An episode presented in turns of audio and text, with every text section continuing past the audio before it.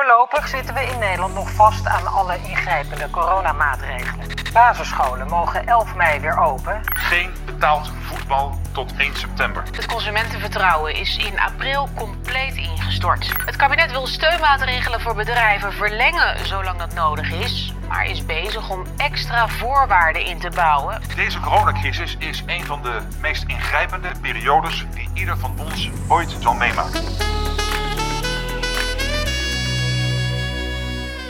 Welkom bij de podcast Ondernemen in tijden van corona. Een 1 2 met Yves. Uh, ja, gisteren was, had ik uh, Marieke Schaik uh, aan de lijn. Directeur van het Rode Kruis in Nederland. Wat een leuke vrouw is dat. Ik, ik moet zeggen, ik heb haar best hele complexe vraagstukken voorgelegd. En ja, buitengewoon veel lof over haar transparantie, openheid. uitleggen ook wat het Rode Kruis doet in Nederland, maar ook internationaal.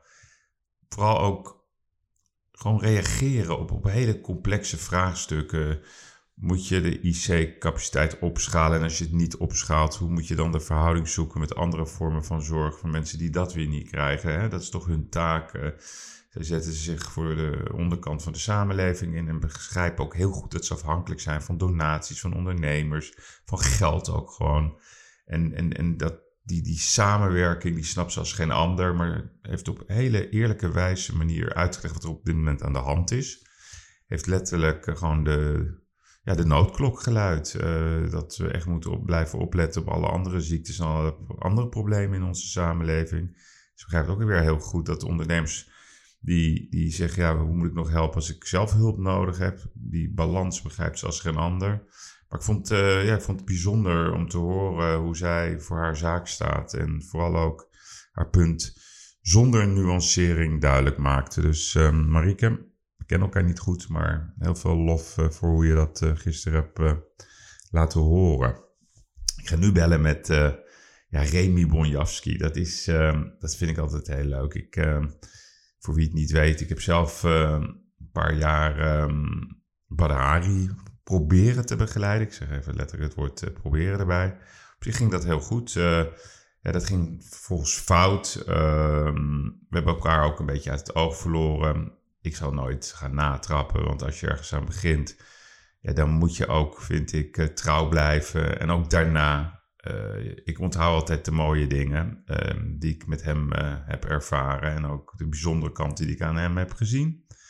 En er zijn altijd punten ter verbetering. En ik vind zelf um, ja, kickboksen ehm, prachtige sport. Het, het, het, leert je heel veel over jezelf, betere confrontaties over jezelf kan je denk ik niet ontdekken. Misschien dat ik het zelf ook heel goed hebben willen kunnen. Dat is natuurlijk ook vaak die fascinatie die daarachter achter zit. Nederland is echt uh, een land van legends. We kennen natuurlijk ook Peter Aarts, Remy Bonjavski, Badr Hari. En dat, zijn toch wel echte, echte iconen, vind ik, van onze sport. Vooral in Azië zijn het echt gewoon helden. Dat is echt niet normaal hoe die mensen daar worden geadoreerd. En Remy Bonjavski, drie keer K1-wereldkampioen. Uh, uh, ondernemer geworden. Ik denk dat hij heel goed begrijpt wat topsport is. En ook wat teleurstellingen zijn. Hoe je daarmee omgaat. Hij heeft ook gewoon een bedrijf. Heeft de Bonjavski Academy.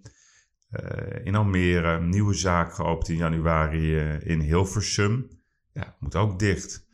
Ik ben benieuwd, hoe gaat het met hem? Hoe gaat hij om met teleurstellingen? Maar vooral ook wat kan hij ons leren uh, hoe je uit een, uit een moeilijke situatie komt? Dus ik ga hem bellen en uh, ik hoop wel dat het goed met hem gaat.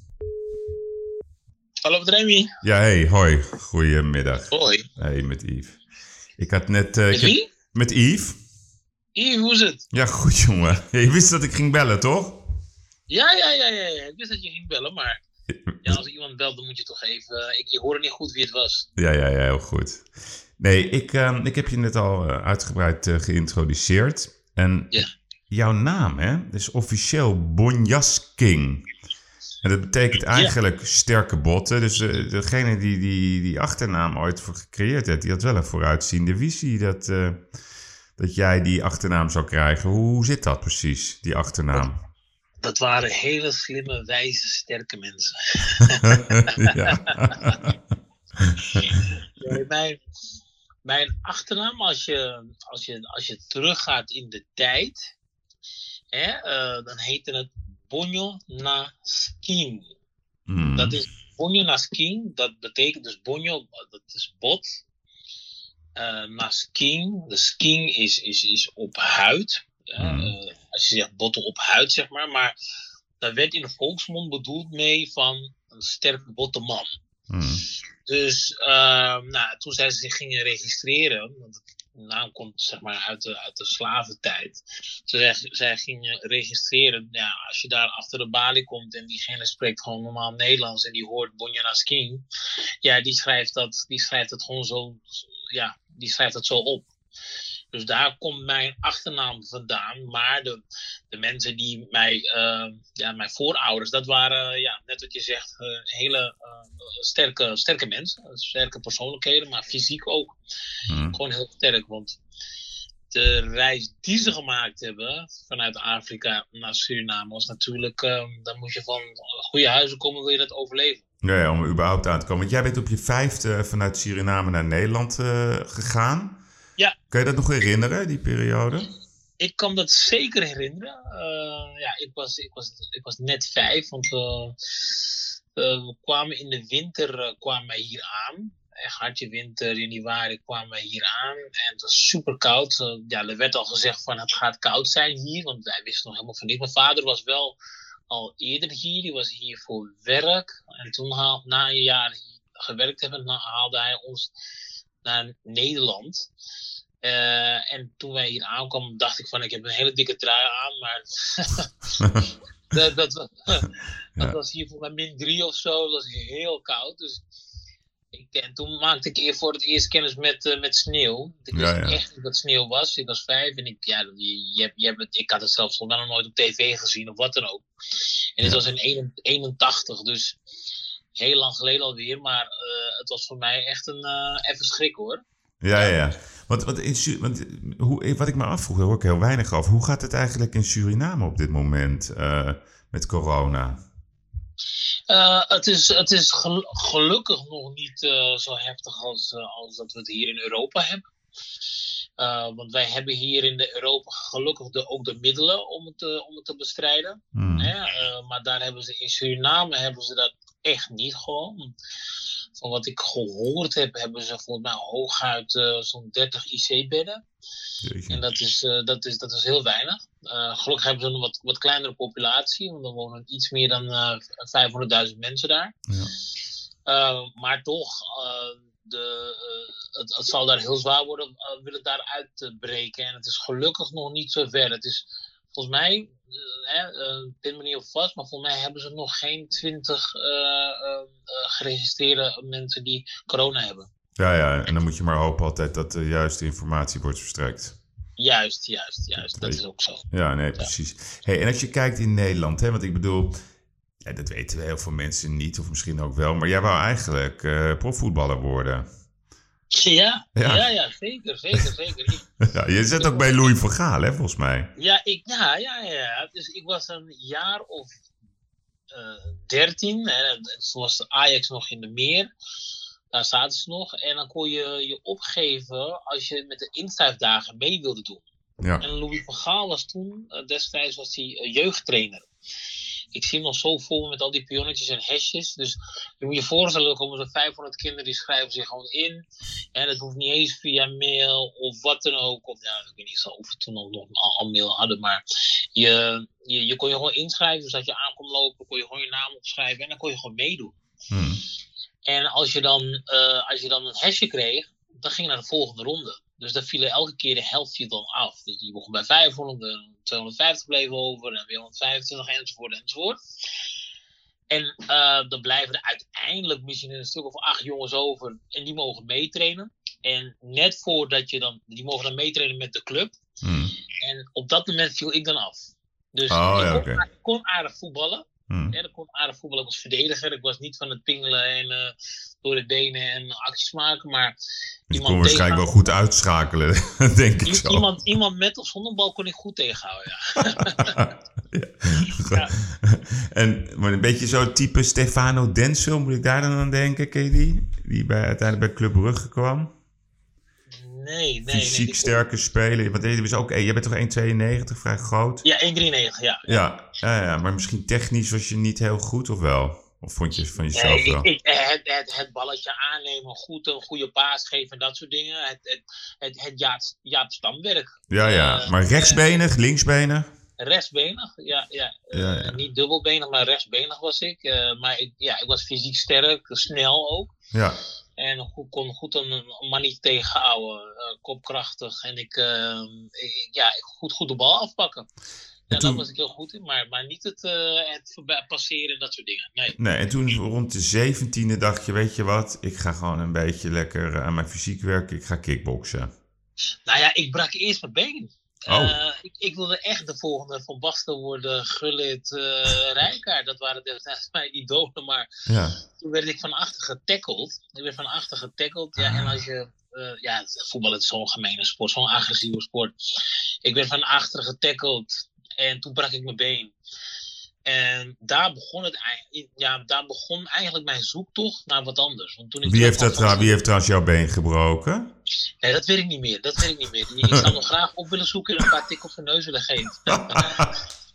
Maar eh, nee, dat weet ik niet meer. Maar ehm, eh, ik brak mijn been en toen ben ik eigenlijk gaan zoeken naar een andere sport. Want toen ik terugkwam van die blessure, toen ging het niet meer lekker. Toen ging het niet meer lekker. Het sprinten, last van mijn rug, eigenlijk weer te snel begonnen. Toen ben ik gaan- na een seizoen gestopt met voetballen. Toen ben ik gaan zoeken naar wat anders. Ben ik gaan basketballen, ben ik gaan volleyballen. Eh, ja, leuke sporten, maar ik kon mijn passie daar niet in vinden. Hmm. En toen ben ik via een vriendje, een klasgenoot, die heeft me meegenomen naar Majiro Gym. Dat is een eh, ja, gerenommeerde uh, kickboxsportschool in, eh, in Amsterdam. En daar ben ik eh, aangekloppen en ja, vanaf het eerste moment ben ik gewoon verliefd geworden en dat heb ik nooit meer losgelaten. Ja, ja. En, en dus jij hebt ook echt die, die, die, die topsport eh, eh. En ik denk dat veel mensen, ook in de politiek, niet precies weten wat dat eigenlijk is. Kan jij nou eens uitleggen, wat is nou een, een jaar topsport? Dus het voorbereiden voor een K1-gevecht. Eh, ik maak een grote sprong. Maar om, om uit te leggen wat jij dan doet als mens om dat topniveau te bereiken. Hoe ziet dat eruit zo'n jaar? Zo'n jaar is, is vooral, eh, vooral fysiek eh, on point wezen. Dat betekent dat je net het hele jaar ben je eigenlijk eh, aan, aan iets aan het werken om daar het maximale te behalen. Dus fysiek ben je eigenlijk, word je helemaal klaargestoomd, maar ook mentaal. Hmm. Dus dat betekent dat je en je voeding moet kloppen. En tussen de oren moet het kloppen.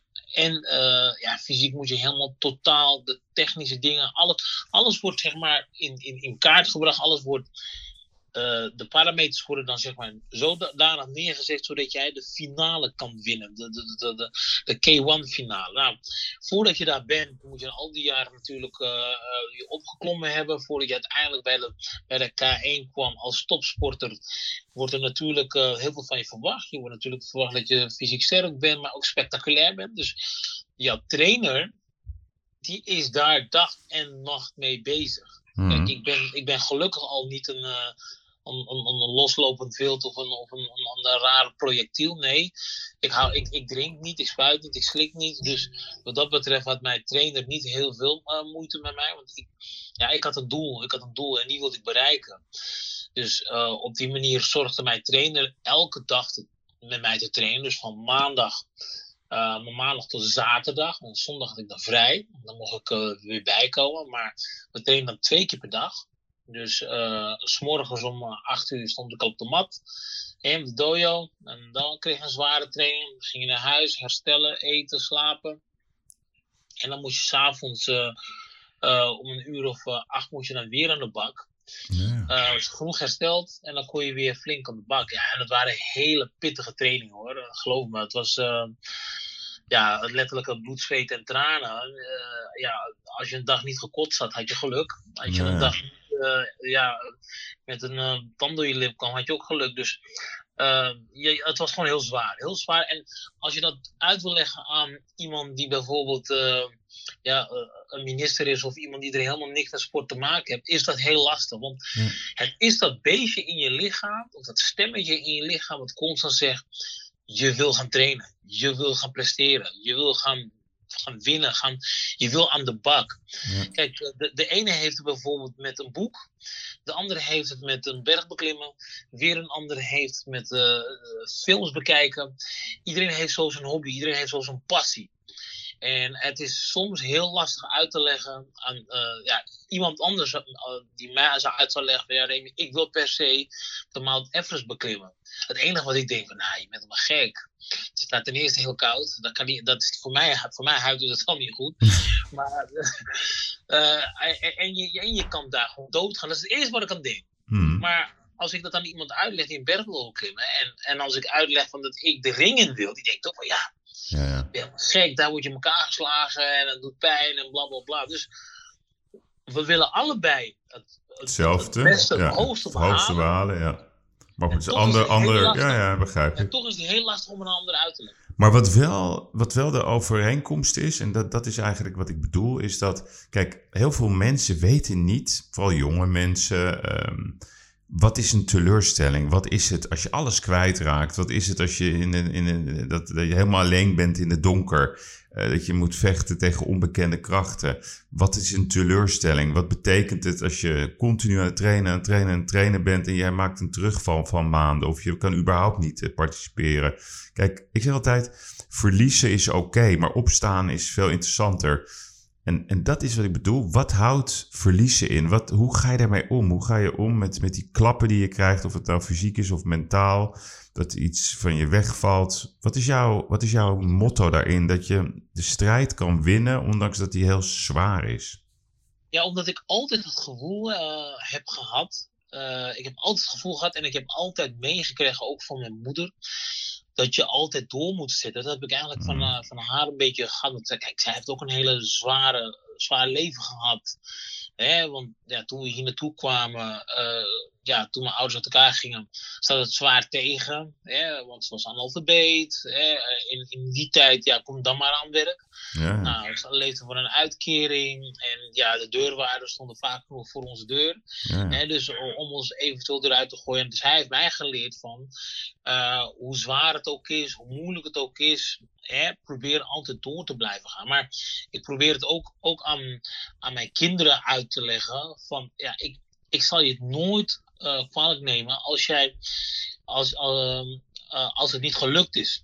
Ik zal het je wel kwalijk nemen als je het niet probeert. ja, En dat is wat ik ze mee wil geven. Want eh, als het wat tegen zit, als het wat tegen zit, is het helemaal niet erg. Als het een keer fout gaat, is het helemaal niet erg. Maar als je gevallen bent, ja, sta gewoon weer op, veeg jezelf af en ga gewoon weer door. Want er zal een moment komen dat het wel zal lukken. Of Ja. het, eh, hè, want ik, ik zeg altijd tegen mensen van die bij mij komen kickboksen, van ja, je hebt ooit een keer leren lopen. Je hebt ooit een keer leren lopen en dat ging eerst met kruipen. Dan hield je de, de tafel vast, eh, eh, de, de, de, salantafel hield je dan vast. En liep je daar langs. En op een gegeven moment, na een paar stappen, viel je een paar keer. En op een gegeven moment, kijk nou hoe je nu loopt. Nu je, weet ik veel, een jaar of dertig bent. Dan loop je ook gewoon normaal. Dus er is altijd een moment, hè, dus komt een omslagpunt dat het wel zal lukken. Als je maar genoeg werkuren erin zet. ja. En kijk, jij noemt je kinderen als voorbeeld, want je hebt volgens mij drie kinderen, toch? Ja, Ja, ja. en twee van jouw kinderen, die, die, die hebben een naam waarbij je de inspiratie hebt gehaald van Mohammed Ali. Hè? Ja. Ehm, wa- wat, wat, waarom, waarom specifiek? Kijk, ik begrijp Ali, fantastische bokser. Maar wat is precies de specifieke inspiratie die jij van Ali eh, hebt gekregen?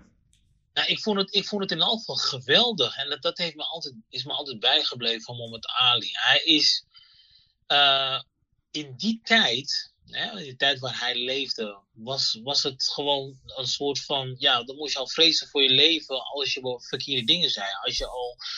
eh, eh, riep van ja, ik, ik ga niet de oorlog in, want die Vietnamezen die hebben mij nooit wat aangedaan. Hij was altijd heel erg outspoken. Hij zei altijd wat hij dacht. En ja, en, en, en, en dat verheven heb ik me altijd eh, mijn waardering naar hem uit kunnen spreken. Omdat hij in een moeilijke tijd heeft toch zijn, zijn eigen woorden weten uit te spreken. En dat was niet altijd. Kijk, als, ik als ik nu bijvoorbeeld op tv roep van. eh, ja, ik ben, eh, ik ben tegen Zwarte Piet of wat dan ook. Nou, dan staat mijn hele, mijn hele eh, inbox staat al vol. En dan word ik uitgescholden voor K-neger en dit, dat, naar je land Ja. en bla bla bla bla. In die tijd, nou, daar werd je misschien aan een boom geknoopt. Ja? Dus hij heeft in een hele moeilijke tijd, heeft hij toch altijd geroepen wat hij wilde. En dat vind ik, dat vind ik echt klasse. En Ja. het zijn een aantal mensen die dat voor mij, hè, zoals Nelson Mandela, Ja, maar die wou ik net noemen. Ja, ja die staat eh, precies. dat zijn types waarvan ik denk van, nou, jullie hebben echt een, een, een, hart van goud en jullie zijn echt super sterk tussen de oren. Ja, want, want, want Mandela, hè, ik vind het mooi dat je die als voorbeeld noemt. Ik kan me herinneren, ik was een keer bij een ehm, bijeenkomst, toen was hij in Nederland. Toen gaf hij een eh, fantastische mooie eh, eh, speech in Carré. En daarna was een etentje bij de Amstel. En toen stond hij op het podium eh, met, een, met een man naast hem. Die was geloof ik twee koppen groter. En hij zei niks over die man. Die man stond naast hem. En op een gegeven moment zei hij... Misschien willen jullie weten wie deze man is. En dat was gewoon zijn bewaker, zeg maar zijn slaughterer op Robben Island. En hij had het vermogen, en dat vond ik zo mooi, om het die man te vergeven. Hmm, En, en ja, mooi. En, en dat Mohammed Ja. Ali is ook altijd, weet je, op een of andere manier zit er, je verwacht van die mensen dat ze agressief zijn. Maar heb jij dat, ben jij ook zo iemand? Hè? Ze noemen jou de flying gentleman. Hè? Dus aan de ene Ja. kant kan je helemaal losgaan in die ring. Aan de andere Mhm. kant heb je waarschijnlijk een heel vreedzaam eh, hoofd, om het zo, eh, van, van de Nou binnenkant. ja, gel- gelukkig, gelukkig. maar is dat eh, zo? Eh, Nou ja, ja, ja, ja, nou ja, mijn bijnaam, je, je krijgt vaak niet, niet voor niet zo'n bijnaam. Ja. Vaak is het een beetje je, je karakter. Eh, ik, kijk, ik, ik kwam in Japan, ik kwam in Japan hè, de eerste keer en ja, omdat ik vaak gesprongen acties maak en Ja. gesprongen trappen, werd ik al heel gauw de fly genoemd. Maar ja, de fly is nou niet dat je zegt een mooie, een mooie bijnaam. dus Jesper Olsen bij Ajax, die noemde ze ook de flow. Ja, maar ja, ja, dat is niet zo mooi. Dat Nee, is niet zo mooi. nee, nee, precies. Dus, dus, dus, dus eh, en, en toen werd het al heel gauw de gentleman, hè, omdat ik me altijd eh, netjes, eh, of, of, of- ik kwam netjes voor en eh, op een persconferentie had ik altijd mijn pak en nou, dat, eh, wel bespraakt, dat vonden ze allemaal heel netjes, want ja, eh, sommige andere vechters kwamen niet altijd op die manier zo over. Hmm. Eh, dus ik stak een beetje wat dat betreft uit. Eh, en toen werd er gauw de, de Fine Gentleman ervan gemaakt. Ja, en en, en ja, die, die bijnaam eh, eh, omarmde ik. Omdat ik, ja, ik, ik, in het normale leven zou ik dan ieder gewoon netjes en keurig behandelen. Als je op mijn schoenen trapt bijvoorbeeld, dan zou ik nog eerder zeggen sorry en dan loop ik door. Ja, ja. Dus omdat ik, ik, ik heb er niks aan om, om, om, om mensen aan te vallen of wat dan ook, of te beledigen of nee. Ik, ik, ik probeer altijd netjes voor te komen en dat is gewoon een, beetje in mijn karakter. En ja, Ja. daar, daar dank ik die fans voor dat zij mij die, die bijnaam hebben gegeven en niet een of andere rare shark of een tiger. Of, Nee, eh, precies. eh, Want, jij, want, want jij, jij, jouw hoogte, eerste hoogtepunt was in 2003. Toen werd je wereldkampioen K1. Toen zeiden volgens mij Ja. best wel wat critici, ja, een eendagsvlieg. ja, Nou, ja, ik kan me voorstellen. Ja, hè? Het- Nou, dat, dat, dat, doet wel met wat. ja, hè? Ja, wat doet dat Eh, dan? Wat gebeurt er dan? Je hebt, je hebt er alles voor gedaan. In Mhm. de periode daarvoor, ik, ik, was een, ik was een rising star en ik, ik, eh, ik was nog heel jong en pakte iedereen aan. De, de gevestigde orde pakte ik aan. En op een gegeven moment eh, mag je meedoen met, het, met, met, met, je, met, eigenlijk met je droom. Want ik, ik had al mijn eerste netvlieslosslating. Hè? dat is van mijn oog. Ja, daar heb je altijd problemen oog mee gehad, hè? Ja. had ik problemen. En, en dan nog zei ik van, tegen de dokter van... hé, hey, ik wil gewoon meedoen met de K1 en ik wil ook nog winnen. Nou, dus dan maak ik in 2003 mijn debuut... Met, met in, in, in, in gedachte dat ik ook nog eens blind kan worden als ik daar een goede map tegenaan krijg. Hmm. Eh, hij heeft toch gedaan. Nou, meteen kampioen geworden. En dan heb ik alles ervoor gegeven. En dan ja, gaat de, de Japanse roddelpers en allerlei andere eh, eh, topvechters die riepen dan van ja, dat is een eendagvlieg. En waarschijnlijk zien we hem nooit meer als kampioen. Ja, en dat doet zeker wat met je, want dat, dat steekt je bijna in je ziel, waarvan je denkt van zo. Aan de andere kant motiveert het mij wel Ja. meer. En dat Ja. heeft het ook gedaan. Want in 2004 ja, kon ik de monden snoeren door weer de K1 finale te winnen en weer wereldkampioen eh, te worden. Ze prolongeerden mijn titel gewoon. En ja, en toen was iedereen echt wel stil. Ja. Ja, en wat vond jij zelf je mooiste gevecht? Als je terugkijkt, dat je zegt dat was echt by far mijn mooiste gevecht. Ja, dat zijn er een aantal die ik Nee, eigenlijk... Eentje. Nee, nee. Ja, ja, ik, ik, ik kom daar. nee, er er zijn een aantal waarvan ik denk van, nou, dat, dat waren gewoon mooie knockouts. eh, En ik heb tegen Vernon White gevochten in Las Vegas, in het Bellagio Hotel. Daar zat eh, ehm, Mike Tyson ook nog mee te kijken langs de kant. Nou, die maakte, maakte een hele mooie gesprongen trap en hij raakte heel mooi zijn gezicht. Nou, dat, dat vond ik een van mijn mooiste knockouts. Maar het toernooi van 2004 Hm. dat vond ik voor mij het mooiste. hè. En dat is eigenlijk hetgeen wat ik net al vertelde. In 2003 hadden ze mij eh, gezien als het eendagsvlieg. Ja. Ja, en toen eh, had ik mijn eerste wedstrijd tegen Ernesto Host. Nou, en die, die won ik. En dan volgde ik mijn tweede wedstrijd. Ik had een gekneusde rib na die wedstrijd. En ja, de mensen die wel eens een gekneusde rib hebben, die weten gewoon van nou, bij lachen of niezen of wat dan ook, dan doet het al, dan ga je al door de grond. Hm. Maar in mijn tweede wedstrijd moest ik dus vechten dan tegen François Bota. Nou, en het leek, leek wel alsof hij wist dat, alsof hij wist dat ik een gekneusde rib had. En die bleef erop meppen en meppen en meppen. En uiteindelijk win ik die wedstrijd nog door hem nog een hoge trap te geven. En toen won ik die wedstrijd. Ging naar de derde wedstrijd op die avond. En dat was tegen Musashi. Ja. En nou, hij is Japanner. eh, en je, nou, in, in, in Tokyo Dome stond, zaten er tot 70.000 man. Ja, ja. mensen. En die waren ook allemaal Japans. Eh, de scheidsrechter ook Japans, juryleden ook Japans. En ze moet je echt van goede huizen komen, wil je daar winnen. Dus na, na drie rondes zeiden ze draw. En dat, eigenlijk is het na drie ronden de wedstrijd afgelopen, moeten ze een beslissing maken. Maar toen zeiden ze draw, kregen we een extra ronde. Terwijl dat, ja, iedereen wist gewoon dat ik die wedstrijd had gewonnen. Maar ze wilden heel graag Tuurlijk. dat ik nou een Japaner zou winnen. Nou, en na die, vijfde, na die vierde ronde kreeg ik gewoon weer een drone. Nou, ze wilden me gewoon aanpakken. Ze wilden me eigenlijk gewoon flashen. Ja. En, Beetje eh, 1978, Nederland-Argentinië. Dat hadden ze ook nooit mogen winnen. Nou, zoiets. Ja. Ja, zoiets. Ja. zoiets. Dus en, en, en pas in die, in, na die vijfde ronde, ja, toen konden ze niet er, eromheen. Want het publiek werd, begon ook onrustig te worden. Van ja, ze zagen gewoon dat ik al, al die rondes had gewonnen. En, en dan nog gaan ze me door. En pas na de, na de vijfde ronde gaan ze mij de winst. Ja, en, en dat is voor mij echt. Ja, niet, niet zozeer één wedstrijd, maar gewoon die, die Ja, hele ja. avond. Die hele samenloop. Ja, ja. En de samenloop ervan was gewoon voor mij het mooiste wat ik meegemaakt heb. Ja. En het bekendste, wat we, waar natuurlijk veel over gesproken is, is het gevecht in de arena hè, tussen jou en Badahari. Waarbij hij natrapte. Hoe kijk ja, was, jij... was, niet, was niet in Arena, was, niet, was in Japan. Oh, sorry, excuus, ja. Wa- was met had- Hesdy, met Hesdy Ja. Was in, Nee, eh, precies, dat had ik moeten weten. Maar Ja. hoe kijk jij nu hè, naar, naar ja, zo'n lange periode, hoe kijk je daarop terug? Er zijn natuurlijk heel veel analyses over geweest, je hebt je er altijd keurig over uitgelaten. Hoe kijk je daar nu naar, naar zo'n, naar zo'n moment dat zoiets gebeurt?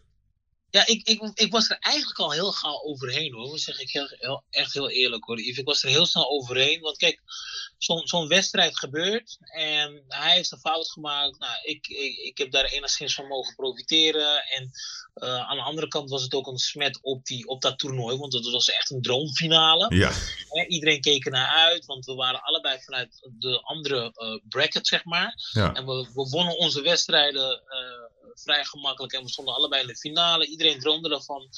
Ja, eh, eerste ronde mooi, ik sla hem neer. Hij staat op. Tweede ronde gaat, gaat wat wild en hij trapt na. En dat was, dat was zonde. Dus ehm, binnen een, een, een, een, ja, een jaar was ik er eigenlijk al overheen. ja. Uh, wat wel jammer was aan, het, aan, aan de situatie, dat, uh, dat zijn fans er niet, over, niet heel gemakkelijk eroverheen stapt. Want ik Nee. kreeg daar best wel uh, veel last van. Ja, ja. En hoe Dan Wat gebeurde er? Nou ja, dan, dan heb ik het over jongetjes van uh, een jaar of twaalf, al een jaar of twaalf, die dan naast je komen staan en die zeggen van, hé hey, klootzak, uh, jij hebt van onze, onze, onze zogenaamd onze badder gewoon, want je, je Ja. kon opstaan en je kon doorgaan en bla bla bla. bla. Ja. Ja, Die gingen ook echt zo, dat gebeurt- gebeurt dan echt zo op straat, dat zo'n jongetje naast je... Ja, ja, een moedig jongetje. is- Moedige jongetjes. Ja, super moedig, maar ze, weet, ze weten tegelijkertijd ook, en daarom, en dat refereert naar mijn bijnaam, ja, ik zal exact. nooit zo'n jongetje elkaar slaan. Nee, ik zal nooit een douw geven of wat dan ook. Nee, exact. Eh, en dat gebeurt niet één keer, dat gebeurde gewoon heel vaak. Ja, dat, dat heeft mij best wel eh, wat gedaan, omdat als iemand oneerlijk is, en dat was in dat geval ook, dat hij Ja. mij natrapte, Ja. dan is hij oneerlijk. En dan is hij niet, houdt hij zich niet aan de regels. En dan nog wordt mij verweten. Ja, nee, dat is, dat is pijnlijk. Nee, ik heb het hem zelf ook wel eens gevraagd. Hè? En hij zei tegen mij... Het, de, de, je zit zo vol adrenaline. Het is zo heftig om daar helemaal als beesten tegen elkaar te keer te gaan. Je hebt maar één doel. Je wilt hem gewoon helemaal knock-out slaan. Hè? Dat is zeg maar, dat is die, dat is die prooi-gedachte. Ja, en dan Ja. gebeurt dat. Hij zegt, het is absoluut niet but. Dat is adrenaline. Dat, ja, en daarna ja, moet je meteen zeggen, fuck, sorry. En, maar dat is misschien ik, moeilijk. ik, ik kan, het, ik kan het enigszins begrijpen als je het op die manier uitlegt. Alleen. De kopstoot van Zidane, snap je? De kopstoot ja, van ik kan, Zidane. ik kan ja. daar tegenover. Ja, maar dat was even wat anders. Want dan, dan werd er wat gezegd. ja, ja, ja, oké, heb je ook Bij een Zidane punt. werd er ja, wat gezegd. Ja, ja, ja, zeker. over zijn zus of zo. Ja, ja, precies. Eh, ja, en dan kan ik zo'n reactie Nee, je van hebt Zidane gelijk. begrijpen. ja. Alleen, eh, je wordt dag en nacht getraind door je trainer. Ja. En iedereen, elke vechtsporter, elke, of je nou beginnende vechtsporter bent of eh, topsporter, een vechtsporter, een kampioen in vechtsport, word je iedere dag ge- getraind om elkaar te respecteren. precies. Want ik respecteer mijn tegenstander omdat ik weet hoe hard hij heeft getraind om tegen mij te vechten. En daarom kon ik niet in het begin niet helemaal begrijpen van hoezo maak je zo'n actie? Hmm. Hoezo maak je zo'n actie? Je bent, je bent gedisciplineerd. Je bent, het woordje discipline staat gegrift in je hart. Ja. Dat je dat niet kan en mag doen. En ja, je, je, je ziet het gewoon niet heel vaak in de vechtsport dat iemand natrapt. Of, eh, en, en al helemaal niet twee keer. Ja, Badr heeft het Ja, wel vaker gedaan. Dus eh, je, je hoort dat niet te doen. Hm. En op dat moment dat hij dat deed, dacht ik aan de ene kant van ja, je bent gewoon niet eerlijk bezig. Je bent gewoon niet cool. Je bent gewoon, je bent niet een echte, je bent niet een echte samurai. Je bent niet een echte vechter. Je bent, want, want op het moment dat het in de ring gebeurt en Ja. ook nog eens daarbuiten, dat is gewoon niet cool. Maar als je bijvoorbeeld kijkt naar de sport, hè, want dat, dit, dit- natuurlijk de bad boys. En de, hè, jij, jij bent zeg maar de good, de good boy, hij werd altijd neergezet als de bad boy. Als je kijkt naar, naar, naar zeg maar de vechtsport eh, aan zich, dan bijvoorbeeld MMA zonder Conor McGregor. Nou, weet ik niet of het zo populair was geworden. Die kan ook eh, dingetjes doen dat je denkt van jongen, doe normaal. Als je Ja. kijkt, Mohammed Ali kon ook soms wel eens een beetje de provocatie. Hè? Ja, ja. Ja, Maar hoort dat er niet bij? Weet je dat je ook, ook een bad guy Ja, nodig maar, maar, maar je, je zegt het net zelf. Het, het, eh, hè, Muhammad Ali, je noemt uh, Conor McGregor. Ja. Let maar heel goed op wat ze in de ring doen. Mm. hè. In- de ring zijn ze gewoon eh, netjes binnen de regels. Eh, bij de persconferentie, ja, dan, Ja, ja, dan gebeurt van alles. Oké, dus En dat is voor jou de grens. Een, eh, Ja, ja. Conor McGregor gooit een, een, een, een stoel naar een, naar, een, naar een bus waar gewoon mensen echt gewoon ja, geblesseerd raken. ja, maar hij heeft ook, ik weet niet, heb je dat filmpje ook gezien dat hij in dat café die, die oude man op zijn gezicht eh, sloeg? Dat vond ik wel heel Ja, erg. ja. Dat, dat kan niet, ja, ik hè? vind, ik, dat zijn Begreep allemaal ik ook niet. erg zijn, maar binnen de ring Ja, oké. zijn dat allemaal Dat, is de zo- dat zijn de codes. Ja, Maar nee, ze maar dat houden zich aan de, aan de regels, ze houden zich aan de codes die ja, eigenlijk eh, eh, ongeschreven zijn, maar ze, ze houden zich wel aan. Ja, even naar het heden. We maken nu een grote sprong naar het heden. De Ja. anderhalve meter economie, het gevecht tussen Badr Hari en Rico Verhoeven. Hoe gaan we dat doen? Met de anderhalve meter. Dat wordt een hele lastige pot, kan ik zeggen. Ja. Dat, wordt- dat wordt een hele lastige pot. Nee, ik, eh, ik, ik, ik, ik zie dat niet gebeuren en ik hoop echt, ik hoop echt dat we gauw weer teruggaan naar het normale leven waar iedereen eh, gewoon elkaar weer een knuffel kan geven en, en in de ring elkaar een paar tikken mogen geven. Want ja, ik mis het wel. Ik mis, ik, ik zou je eerlijk zeggen, ik, ik mis het normale leven heel erg. Omdat Ja, eh, het is, ja, het is, het, je, je- we kunnen zoveel en Ja. we mogen gewoon niks. En je, je wil nog zoveel bereiken, je wil nog zoveel doen. En je kan gewoon niks. En dat is ontzettend zonde, ontzettend jammer. Want dit is echt een, ja, misschien wel een verloren jaar. ja. Want hoe, hoe Nou, doe jij dan- dat? Want ik bedoel, jij hebt die hele mooie academy in Almere. En volgens mij heb jij in, Ja. in januari heb jij net je tweede academy geopend in Hilversum. Ja, Dat ja, lijkt ja, me ik, eh, best wel ingewikkeld. Klopt. Ik heb in 2010 eh, in Almere mijn sportschool geopend. Nou, dat, dat, dat gaat geweld, meer dan geweldig. Ja, En toen dachten wij van, nou, we gaan eh, flink investeren in een tweede vestiging. En dat hebben we toen ook gedaan. We hebben een upgrade gedaan eh, in, in Hilversum. Nou, dat ziet er echt ja, tip-top uit. Uh, en, en, dan in, jan in, januari gingen we open. Ja. Ja, en, dan, en dan twee maanden later meldt meneer Corona zich. En dat, ja, dan moet je gewoon met twee sportscholen dicht. Alle investeringen hebben gedaan. En dat is zonde. Dat is, dat is, maar kan, dat kan, is, je, nee, ik bedoel, maar kan je dat volhouden? Gewoon in alle eerlijkheid. Want ik bedoel, soms denken ze, oh, die houdt het wel vol en die houdt het wel vol. Maar ja, ja nee, maar de zakken zijn op een gegeven moment leeg. Hè? Dus hoe Ja, zit dat bij jou? de, de, de, de, zakken waren diep to- totdat we de investeringen hadden gedaan. Dan zijn ze wat minder diep. Ja, En hoe geweldig je ook bezig bent, hoeveel geld je op de bankrekening ook hebt, iedereen heeft zo zijn bodem. En Ja. als je kijkt naar, naar ik zeg maar wat, eh, KLM. ja, KLM eh, was, eh, was ook een gezond bedrijf. ja. Maar hoe lang kunnen ze dit volhouden? Je ziet nu al dat ze andere noodmaatregelen moeten stappen. Dus of je nou wel of niet heel veel geld op de bankrekening hebt, of het nou zakelijk is of privé. Je wil dit niet op deze manier doen, want je blijft maar uitgeven. En ook alle, alle, alle, alle andere bedrijven, horecabedrijven, die eh, in principe gezond waren, Ja. die, die, die krijgen nu klap na klap na klap. En dan hoor ik sommige mensen dan op, eh, bij al die, eh, eh, bij of bij andere programma's roepen van ja, je had maar meer spek op het bot moeten hebben. Ja, dat Ja, is daar, kan, ik- daar kan ik zo boos op Ja, daar word ik ook boos over. hoor. Het Ik ergste... hoorde zelfs die, ja. Volgens mij was die de, de, de, de, de man van de Nederlandse bank. Ja, dat, dat je om moest die riep dat ook. Nee, die zei Die- letterlijk... Die zei letterlijk tegen die, tegen die eh, horecaman... Ja, misschien moet je je maar omvoeren. We, we kunnen niet blijven subsidiëren. Die jongen die was in shock. Maar dan moet de redact, die mensen die aan die tafel zitten... moeten zeggen omvormen. Volgens mij moet jij je omvormen.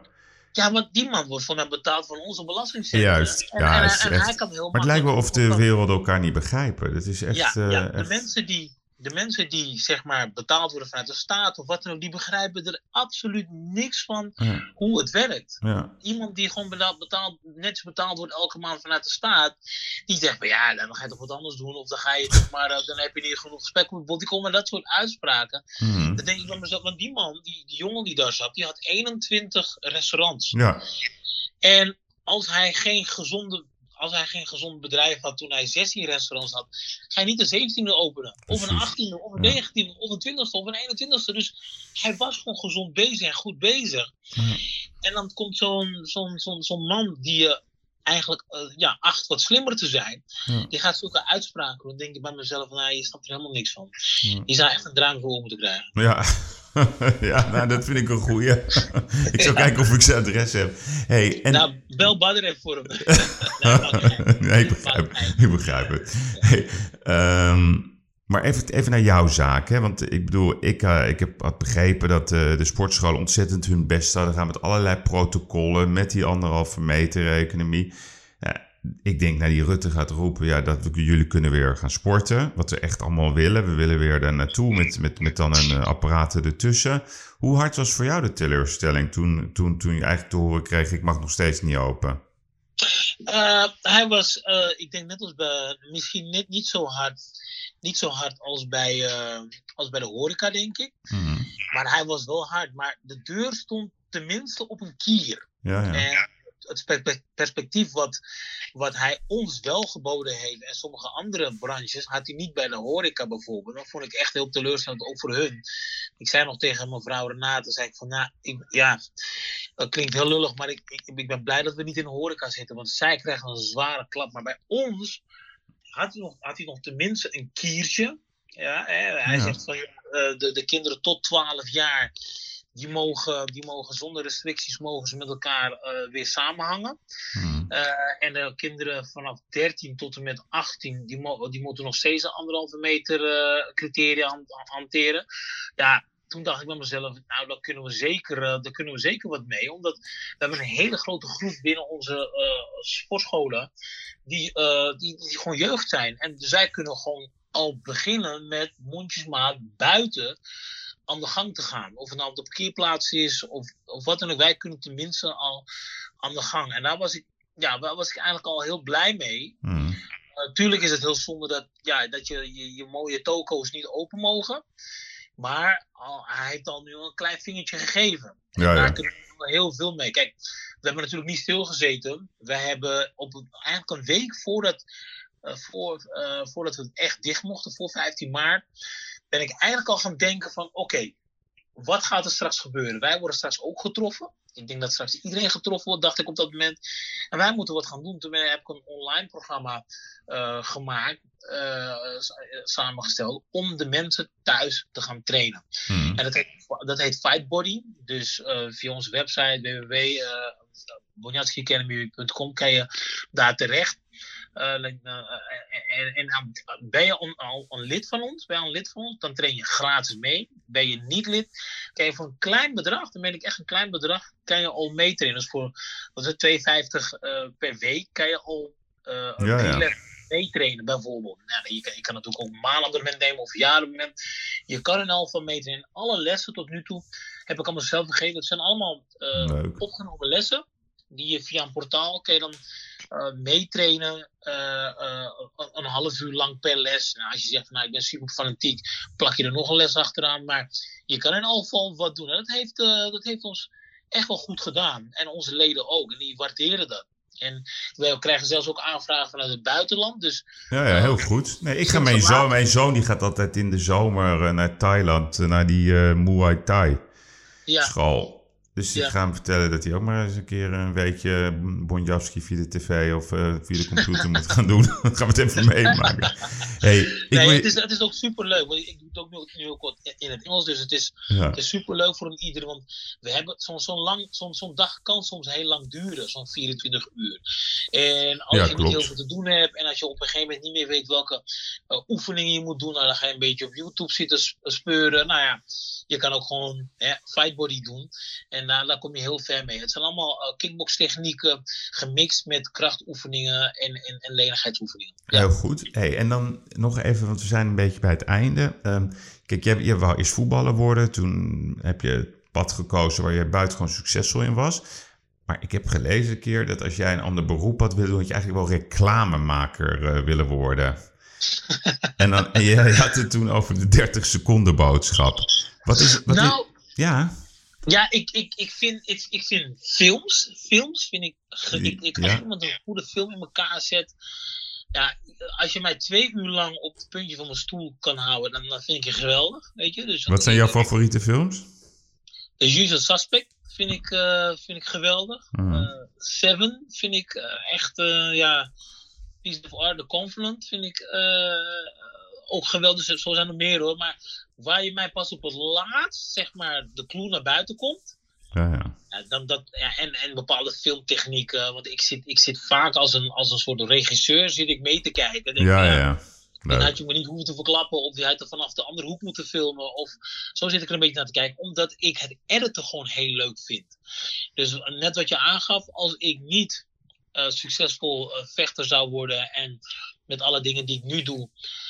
Als ik wat anders zou gaan doen, dan zou ik echt in het editen zitten. En het liefst nog eh, iets in de reclamewereld. In die zin van. Kijk, iemand die mij twee uur kan boeien. Nou, daar heb je heel veel ruimte ervoor. Voordat je, eh, om zoiets te maken. Maar de reclamemakers. Die ja, binnen 20 of 30 seconden. Ja, exact. Die 30 kunnen wij seconden. Die, ja. Dus ik wou even die test met jou doen. Dit hebben we niet van tevoren besproken. Maar je jee. krijgt van mij 30 seconden om een boodschap te geven aan de jongeren. Die, die niet weten wat een crisis is. Die voor het eerst in dit soort situaties terechtkomen. Wat is je boodschap, Remy?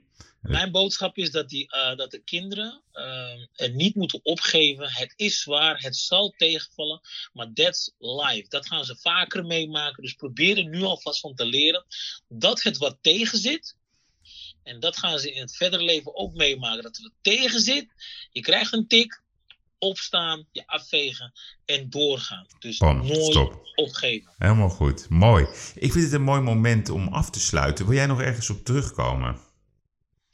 Eh, ik wil eigenlijk nergens op terugkomen. Eh,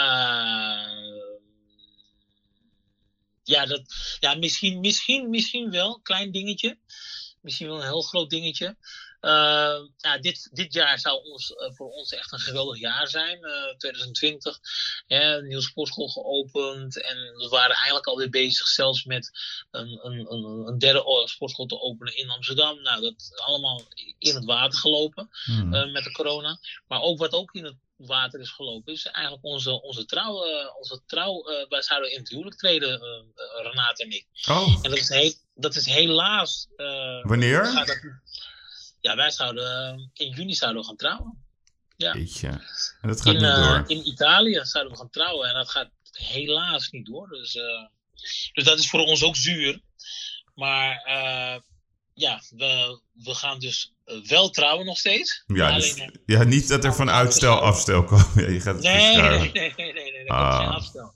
Nee, we gaan sowieso trouwen, maar dat is het enige wat ik nog kwijt wil. Voor de rest uh, vond ik het een heel leuk interview. Nou, dankjewel voor je fantastische ja, bijdrage. Heel goed. En uh, heel veel succes. En ik hoop ook echt dat, uh, dat je scholen er goed doorheen komen door deze crisis. Hopen we ook. En, en jij ook, hè? Zeker. Want, we hopen dat we weer luxury mogen meemaken. We kijken, ja, tuurlijk. We blijven naar de masters, hè? Meer de masters. Ja, de masters. Sorry. Helemaal goed. Dankjewel, Remy. En sterkte en goed aan Renate. Oké, okay, hoi hoi. Bye bye. bye.